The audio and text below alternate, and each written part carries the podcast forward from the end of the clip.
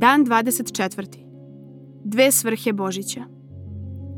Dečice, neka vas niko ne dovodi u zabludu. Ko čini ono što je pravedno, pravedan je kao što je on pravedan. Ko čini greh, pripada đavolu, jer đavo greši od početka. Zato se pojavio Sin Božiji, da razori đavolja dela. 1. Jovanova 3, 7 do 8.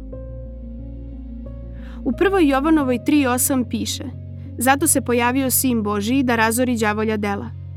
Koja đavolja dela Jovan ovde ima na umu? Odgovor je jasan na osnovu konteksta.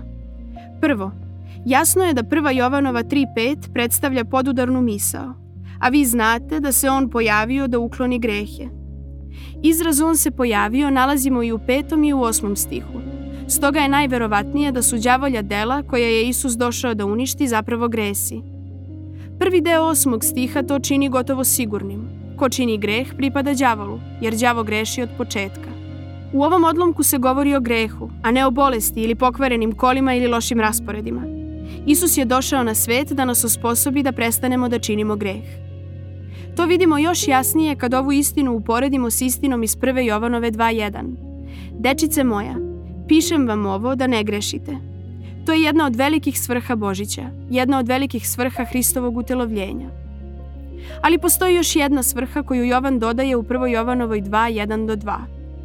Ali ako neko izgreši, imamo zastupnika kod oca, Isusa Hrista pravednika. On je žrtva pomirnica za naše grehe i ne samo za naše, nego i za grehe celog sveta. Sada pogledajte šta to znači. Znači da se Isus pojavio na svetu iz dva razloga. Došao je da bismo mogli da prestanemo da činimo greh, to jest došao je da razori đavolja dela i došao je da bi postojala žrtva pomirnica za naše grehe kad zgrešimo. Došao je da bude zamenička žrtva koja uklanja Božiji gnev zbog naših greha. Posledice druge svrhe ne potiru prvu svrhu. Oproštenje nije dozvola za greh. Hristos nije umro za naše grehe da bismo popustili u borbi protiv greha. Ove dve svrhe Božića zapravo imaju sledeću posledicu. Cena koja je jednom plaćena za sve naše grehe predstavlja slobodu i silu koje nam omogućuju da se borimo protiv greha. Ne kao legalisti koji žele da zarade svoje spasenje i ne u strahu da ćemo izgubiti spasenje, nego kao pobednici koji s pouzdanjem i radošću skaču u borbu protiv greha, iako ona može da nas košta života.